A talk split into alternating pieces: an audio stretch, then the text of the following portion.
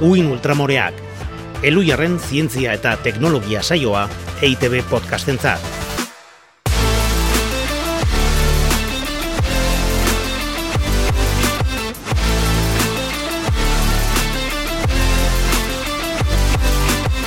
Kaixo, alaitzotxoa deribe agirre. Kaixo, Ana Galarraga aiestaran. Eta kaixo zuei ere.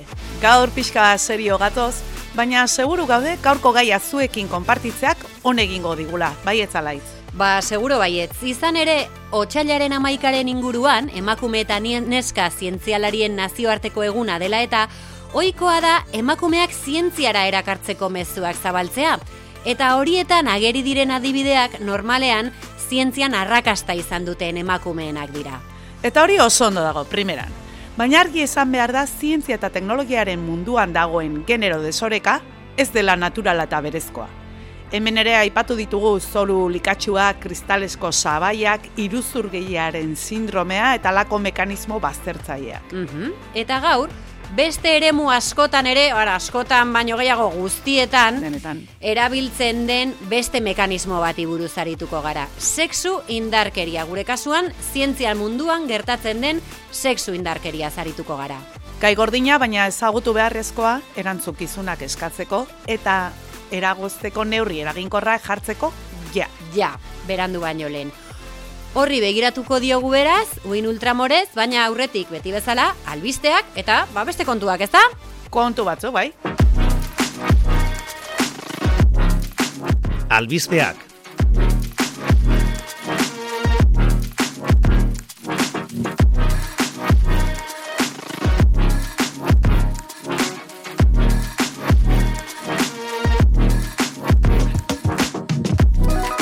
Gaur ni hasiko naiz. Nafarroako Unibertsitate Publikoko ikertzaiek bero geotermikoa elektrizitate bihurtzen duen sistema sortu dute, berariaz sumendi inguruetan eta kondizio gogorretan funtzionatu dezan. Izan ere horrelako tokietan ohiko bateriak izorratu egiten dira. Eguzki panelak ere ez dira egokiak, ba adibidez poloetan ez dagoelako eguzkirik neguan, mm bakizue? Ba, Nafarroako Unibertsitate Publikoan garatu duten sistema lehenengoa da munduan eta esan bezala lurpeko beroa erabiltzen du elektrizitatea sortzeko. Ez dauka mugitzen den elementurik eta beraz ez da erraz izorratzen. Antartikako Decepzion uartean probatu dute, fumarola volkaniko batean, eta ondo dabilela baieztatu dute. Ah, bueno, orduan ez da decepción, ez da, orduan subidon Hori da, uartean. hori da, hori da, eta oraindikan daude kanpaina ez delako bukatu, eta badakizu zein dagoen antartean. Zein. Baleire Katalan Ros. Ah. Eluiar aldizkariaren ekina natalerako elkarrizketatu nun, ba, justu duela bi urte, eta orduan ari zen sistema horrekin ikertzen, eta titularra hau jarri nion elkarrizketari. Zirraragarria da aurretik inork egin ez duen zerbait lortzea. Baizu, lortu dute? Ah, ba, bai. Beraz, zorionak Bai. eta txaloa, sartu ego, izartu txaloa. Bueno, bejondeiola, leireri eta bere lantaldeari, ez da? Egia da, inork lehenago lortu ez zuen hori lortu dutela, lurraren barruko bero hori aprobetsatzea elektrizitatea sortzeko non eta Antartikan, Ba, bai. pues, eh, aizu, ikaragarria, oso albiste polita. Nirea, eh, ilargia zabortegi atalarekin lotuta dago, goratzen zarete, esan genuela, interesgarria izango litzatekeela, ez da, handauden ondakin organikoak, zehazki astronautek utzitako kakak eta pixak analizatzea, Ba, akordadeko Ze ideak euki genituen, ez da? Antxe ibili ginen, iguala kaso hori ere izan zitekela bizitzaren sorrera azaltzen zuen hipotesietako bat, eta ez diazu esango, evidentziaren bat dagoela edo. Ez, ez da justu hori, Ai, baina ez da guain hemen, hemen. Ah, ez, ah, bueno, Ez, bueno, ez. Ah, kontau, kontau. Beitu, e, urtarrileko astrobiology aldizkarian argitaratu duten ikerketa baten arabera, ni han nengoen, astrobiology irakurtzen trenean, eta ikerketa horretan frogatu dute guretzat ohikoak eta batzuetan kaltegarriak diren lau mikrobio espezie, gai direla marteko kondizioetan bizirauteko, baita ugaltzeko ere. Wow. Bai, aizu, nahiko guau, ze orain arte bakterio estremofiloen bizirauteko gaitasunari begiratu diote ikertzaileek. Eta hasiera batean, lurretik kanpo irauteko gaitasun handiena ere, haiek izango zutela uste zuten zientzialariek. Orain ordea, bakterio arruntak ikertu dituzte zehazki, lau espezie hemen gidoian dauzkat idatzita ana, ez dakit nire lokutore habilidadeak atera behar ditudan, e, norbaitek ezagutuko dituen, bueno, Ba, behar bada bat ematen etxean, ezagunak dira bakterio Bai, eta aipatu egingo ditut. Izena duena... Ohikoak omen dira, ba, badata, esan, esan. Bai, hori da. Burkolderia cepazia, Klebsiella pneumoniae, Pseudomonas aeruginosa, pseudomonas asko gustatzen zait, gure nahiko pseudomonas gala iruditzen zait, eta Serratia marcescens izena dute, eta esan bezala gugan bizi dira, gugan bego. Osasuntxu gaudenean, kontrolpean izaten ditugu, baina ahul gaudenean, gai dira gogor jotzeko eta kalte egiteko. Hortaz, esperimentu honen emaitzak ikusita, Marteko misioetan kontuan hartu beharko direla ohartarazi dute. Aizu, basuriaren pia gustatu zaita laitz. Eta beitu, albistetan kontatu baduzu ere, egunero ikasten da zerbait, edo egia gezurra ez dago evidentziari katalerako ere, balio zuen, eh? Ze polivalentea. Bai, polita eta polivalentean ere albistea ana. Izan ere, hainbeste albisteta kontu dauzkagu ezta, edo zein atal bete dezakegu ba, dida batean. Burrengora joango gara ja? Guazen, Egunero ikasten da zerbait.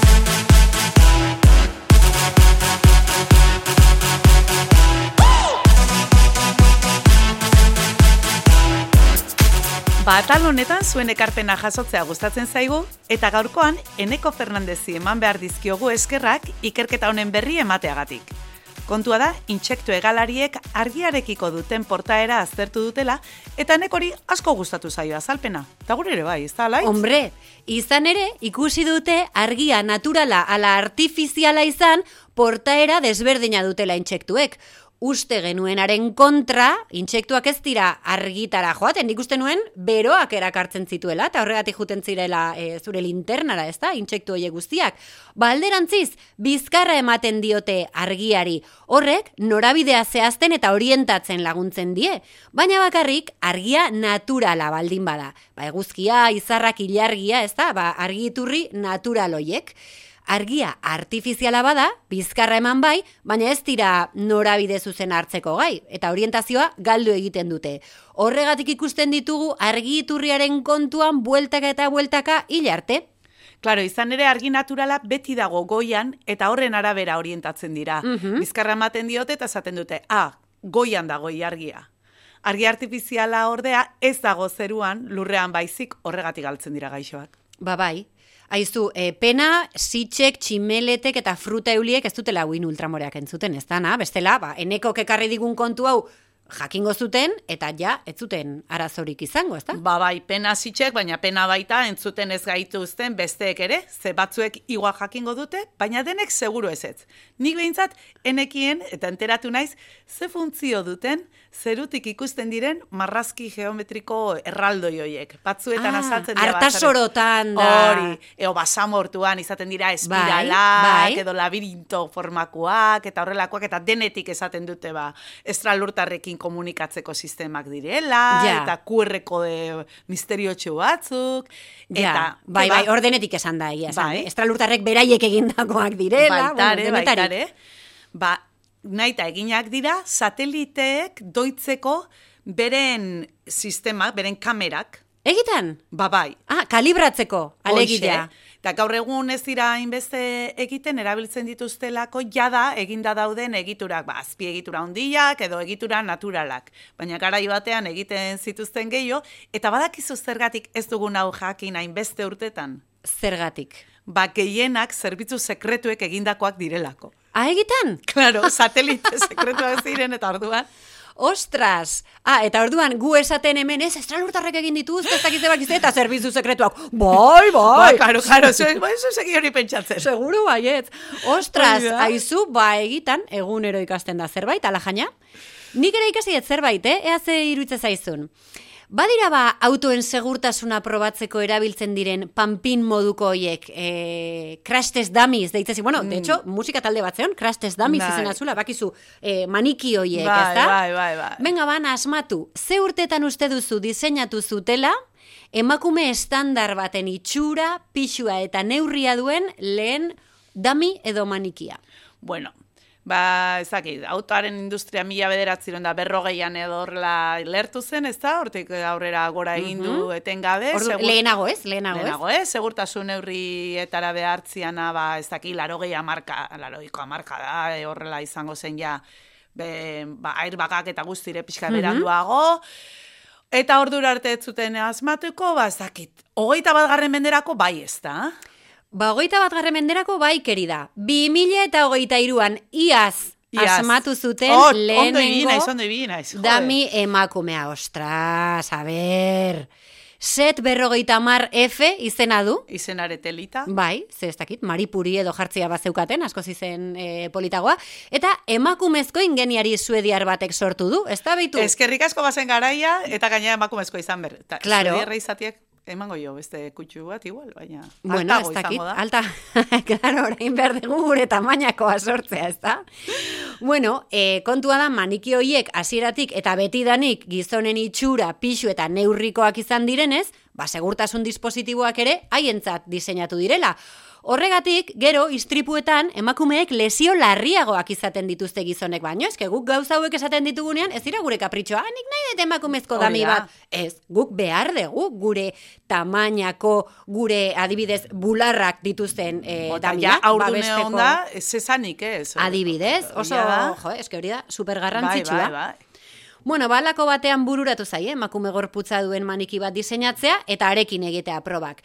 Behintzat, bai existitzen ziren ume itxurako manikiak lehendik, eh? Oiek bai ikusi ditugu, e, e, claro, ze gertatzen da, legeak behartzen zaituela, Ja. umea aulki berezi batean eramatera, eta aulki hoiek homologatzeko, bai existitzen ziren ume itxurako e, damiak. Claro, gu jende normala gea, baina aintzat hartzia merezi ez du horrelakoak. Osea, Hori ez da. kategoritan sartzen gaituzten, baina, Bai, bueno, gizakiak daude, txikiak eta hundiak. Eta Ja. e, humano neutroa gizona dela pentsatzen dutenez, askok, ba, hori erabili dute. Bueno, ba oso ondo datorki hau, uin ultramorez aztertuko dugun gaira hurbiltzeko. Helduko aldiogu. Heldu diezaiogun.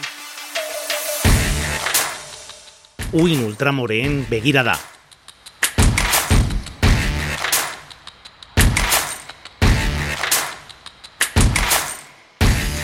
Hasieran aurreratu dugun bezala, gaurko gaia ez da gozoa. Uin ultramoreak erabiliko bai ditugu, zientzia eta teknologia eremua aztertzeko, indarkeria sexista argitara ateratzeko asmoz. Okerrena da ez dugula askorik arakatu behar izan, kasu benetan larriak aurkitzeko. E, jakinarazi duten azken kasutik hasiko gara. Publiko egunkari Espainiarrak argirat, argitaratu zuen urtearen hasieran eta CSIC erakundea dago tartean.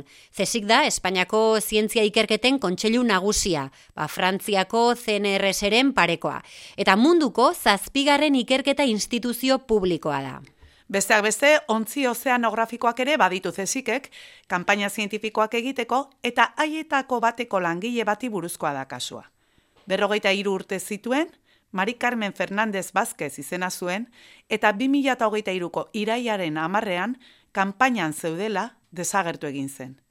Ikertzaien susmo nagusia da bere burua itsasora bota zuela, baina ez abaztertzen istripua izatea edo horretara bultzatua izatea ere. Kontua da, ikerketa geldirik dagoela itxuraz, baina publikok jakinarazi duenez, badako nondik egin tira. Ontziratu zen egunean, emakumeak senarrari eta anaiari deitu zien telefonoz, esateko 2000 eta emeretzian bortxatu zuen lankidea ontzi berean zegoela.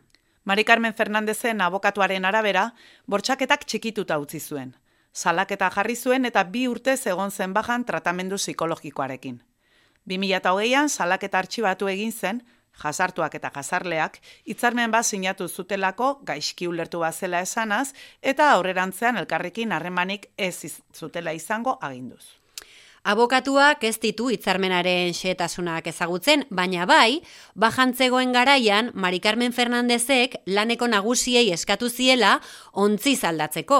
Nagusiek ordea ez zioten kasurik egin eta 2000 eta hogeita biko irailean ontziratzeko deitu zioten. Bortxatu zuen lankidea zegoen ontzi berean. Erantzun zuen ezetz, ezin zuela, eta medikuek ere ala berretsi zuten. Urte bete geroago ala ere, ja medikaziorik gabe zegoenean, berriro deitu zioten. Tarte horretan, Mari Carmen Fernandez, sexu jazarpenari buruzko ikastaro bat egitera behartu zuten, naiz eta berazen biktima. hori ikaragarria da. Da, ezin iztekoa. Gaineraz, zeziki, laguntza eskatu zion behin baino gehiagotan babesa eskatuz, baina ez zioten inoiz erantzun. Eta itxura guztien arabera, ez zuten ezer egin, ontzira lanera itzule zenean, lankide ark, han jarraitzen zuela ikusi baitzuen. Publiko jakin duenez, gizona urrengo egunean ontzitik lurrera jaitsi zen gaixo zegoelako, ez dezikek ala erabakizuelako. Eta zeziken izan diren beste kasuetan ere, jokabidea antzekoa izan dela adierazi dute lekukoek, hau da, isiltzea, ezkutatzea eta neurririk ez hartzea. Zezikek bere burua zuritu du, salaketa artxibatuta zegoela gogoraraziz, eta protokoloak funtzionatzen duela baiestatuz. Izan ere, arazoa ez da ez dagoela protokolorik. Orain indarrean dutena 2008koa da, sexu jasarpenari eta sexuagatiko jasarpenari aurre hartzeko eta esku hartzeko zeziken protokoloa izena du, eta neurri sortaz xea du. Baina os, benetan ondo dago, eh? Bai, osea, badute bai, protokolo bat eta protokolori ona da. Bai, bai, ba, eta oso zehaztuta dago eta lau helburu ditu eta helburu bakoitzerako du neurri sorta bat. Helburuak dira informatzea, formatzea eta prebentzio lana egitea, kasuak hartatzeko eta bideratzeko bitartekoa jartzea, langileen segurtasuna bermatzea, eta azkenik jasarpena eragoztea eta jasarleak zigortzea. Protokoloa egon badago, baina Mari Carmen Fernandezen kasuan ez dirudi funtzionatu zuenik. Gainera, kontua da, ez dela, bere kasua ez dela salbu espena. Hain zuzen, adituek bi faktore identifikatu dituzte azaltzeko zergatinik izaten diren hainbeste jazarpen kasu zientzia ere muan. Batetik, zientzia objektibotasunarekin eta neutraltasunarekin erlazionatzen da. Eta horrek zaildu egiten du gizarteak pentsatzea eremu horretan ere badagoela sexu indarkeria. Eta bestetik, zientzia eremuak oso sistema hierarkikoa du eta oso prekarioa da batez ere arlo feminizatuetan. Horregatik emakume jazartuek, salaketa jartzeko ohiko zailtasunez gain, ibilbide profesionalean ondorioak izateko beldurra ere izaten dute, jasarpena normalean beti vertikala izaten baita. Noski, gogoratu dezagun, e, sexu indarkeriaren arrazoia edo atzean dagoena ez dela desira. Da, da boterea. boterea, dominazioa, ez da? Beste arlo batzuetan gertatzen den bezala, hierarkiaren goian dauden jazarleek impunitate handia sentitzen dute zientzia munduan ere, eta badaude gainera jarduera zientifiko batzuk bereziki arriskutsuak emakumeentzat leku isolatuetan egiten direlako.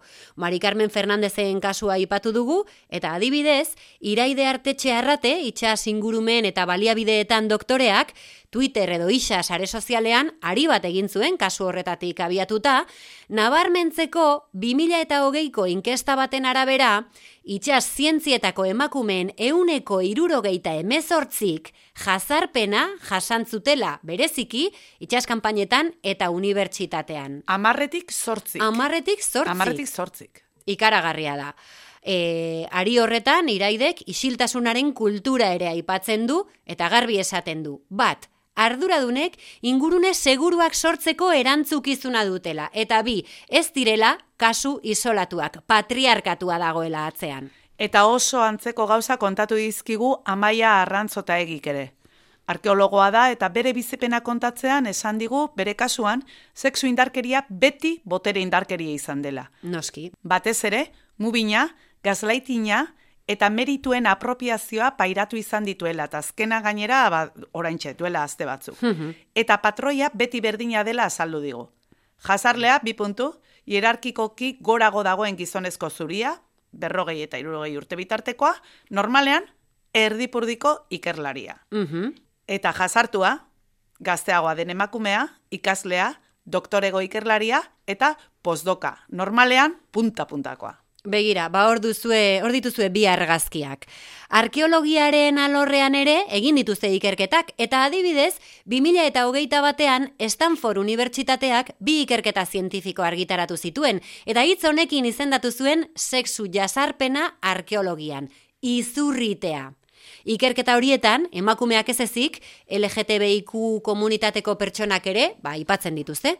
Oxfordeko unibertsitateak argitaratu zuen beste ikerketa batean berriz, ikusi dute estatu batuetan ekologia eta evoluzioaren arloan sexu jazarpena nabarmena dela bereziki bazterketa bat baino gehiago metatzen dituzten gorputzetan.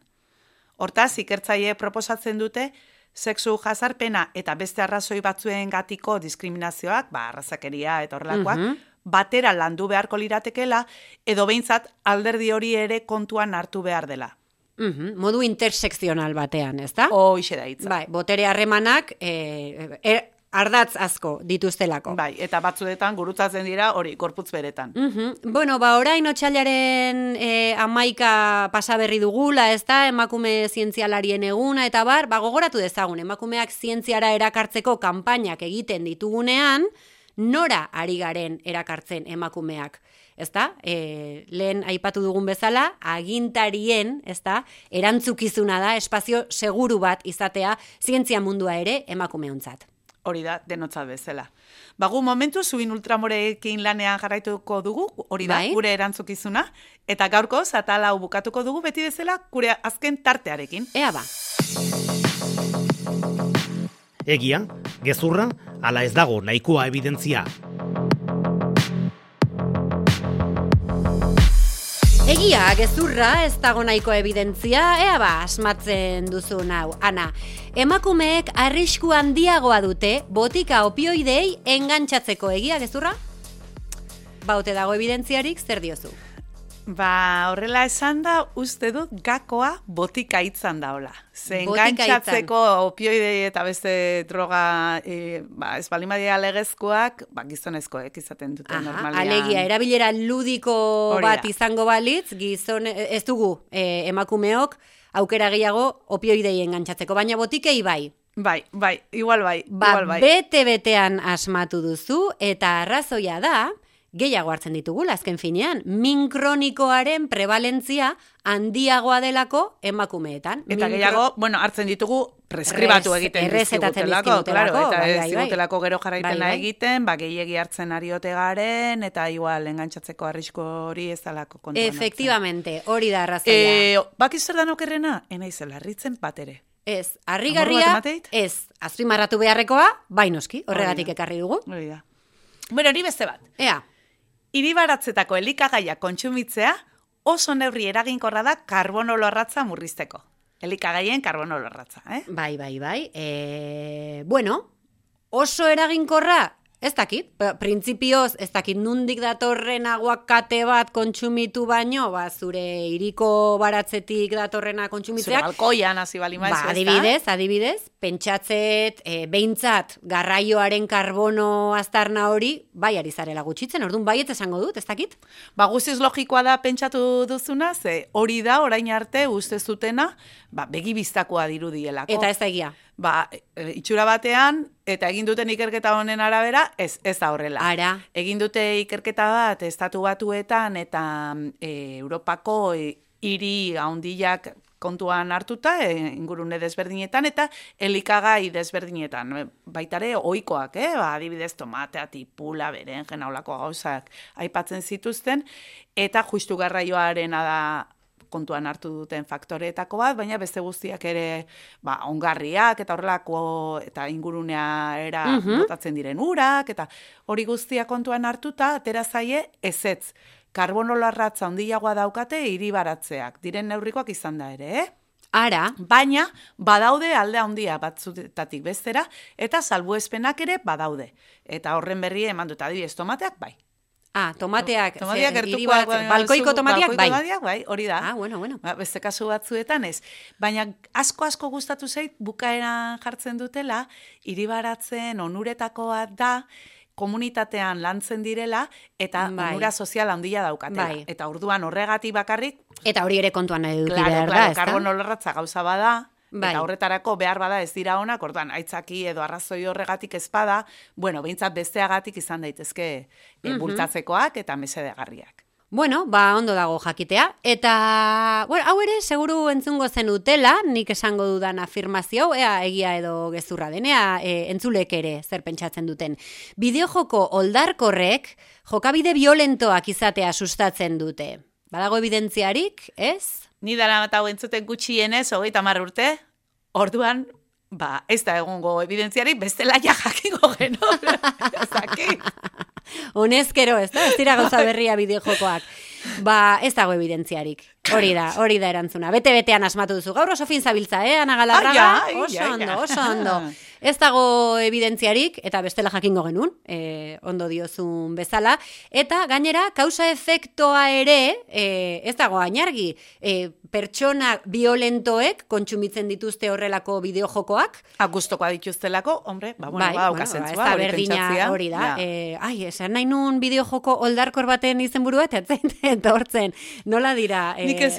Gerrako jokuak egitea, Bai, eta bar, bai. bueno, pues hori, hori Ja. jolasten duen pertsona bat, edo los Sims jolasten dana, pues ez da berdina, ez da? Ja, eta igual gaina jolasten dezu hortara, zure lagunek ere horrela Mhm. egiten dutelako, eta ez dakit arrazoia da bakarri, bataldeko kide sentitzea. eta Bai, pitxo. eta, bueno, ba, e, ez dago evidentziarik hori esateko, hortaz, e, utzi dezagun hori esateari. Ba, begira, hau, nola berriagoa den joera hau, ba, igual hemen ja badago beste zerbait. Eta da, zareetan anonimotasuna eragozteak giro sanoagoa izatea dakar. Ah, bueno, hori seguro baietz. Seguro? Que anonimotasunetik botatzen dugun hate guztia, ez da?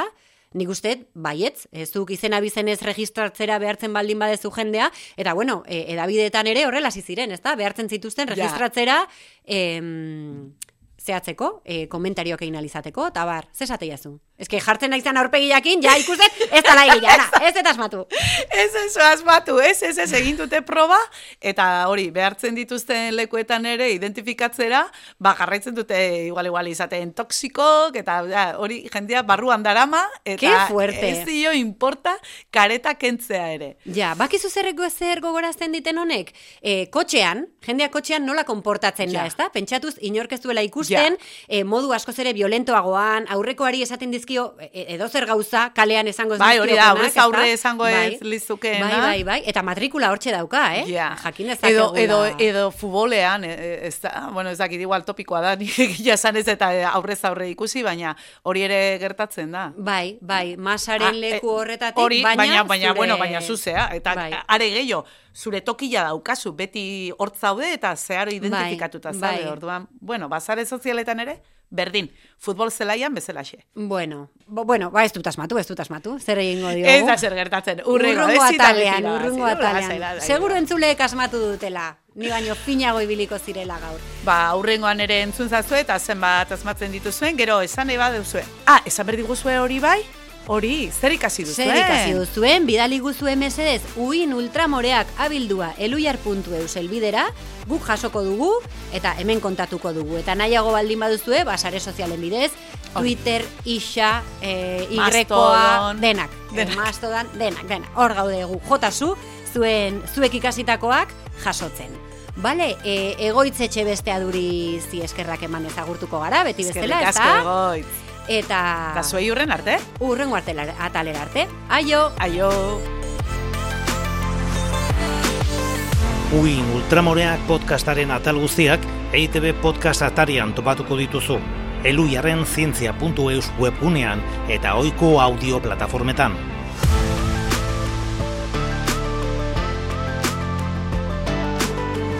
Uin Ultramoreak